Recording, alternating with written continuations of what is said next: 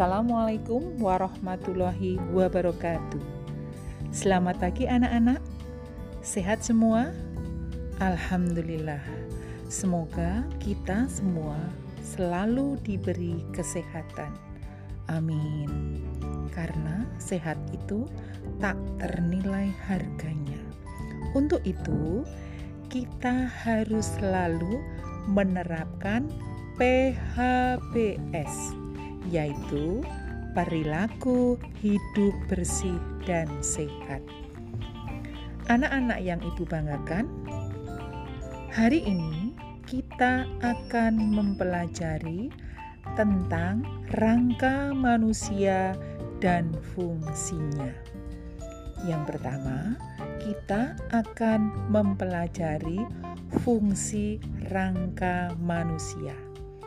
Seperti kita ketahui, bahwa manusia itu mempunyai rangka. Kalau tidak punya rangka, tidak bisa berdiri tegak. Rangka manusia dibagi menjadi tiga bagian. Yang pertama, rangka kepala. Yang kedua, rangka badan, sedangkan yang ketiga, rangka anggota gerak. Rangka anggota gerak dibagi menjadi dua bagian, yaitu rangka anggota gerak atas dan rangka anggota gerak bawah. Rangka anggota gerak atas yaitu tangan, sedangkan rangka anggota gerak bawah yaitu kaki agar kalian lebih cepat menghafal bagian rangka manusia, ibu akan memberikan contoh dengan bernyanyi. Coba simak nggih. Bagian dari rangka manusia Pertama namanya rangka kepala Kedua rangka badan, tiga anggota gerak, itulah bagian rangka manusia. Sekali lagi ya, Ibu ulangi. Bagian dari rangka manusia. Pertama namanya rangka kepala.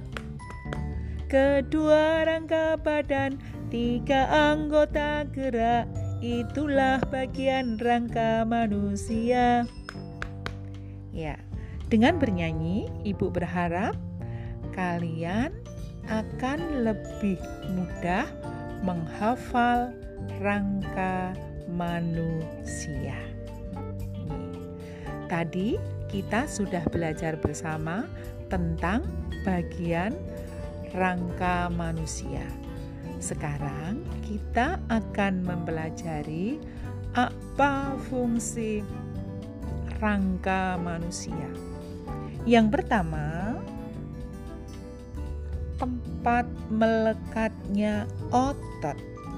Yang kedua, melindungi organ-organ tubuh yang penting seperti kepala atau rangka kepala itu melindungi otak. Rangka badan melindungi jantung, paru-paru, hati, dan bagian-bagian dalam tubuh yang lain. Yang ketiga, menegakkan tubuh. Sedangkan yang keempat, memberi bentuk tubuh dan yang terakhir, sebagai alat gerak tubuh. Rangka itu sebagai alat gerak pasif. Kalau yang aktif itu otot. Nih.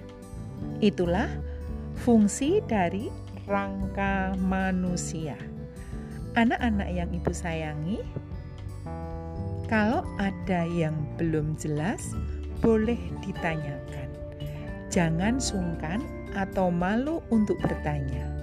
Ibu akan senang apabila kalian bertanya tentang hal-hal yang belum jelas. Ibu rasa pelajaran kali ini cukup. Lain waktu kita akan bertemu lagi. Cukup sekian. Terima kasih. Wassalamualaikum warahmatullahi wabarakatuh.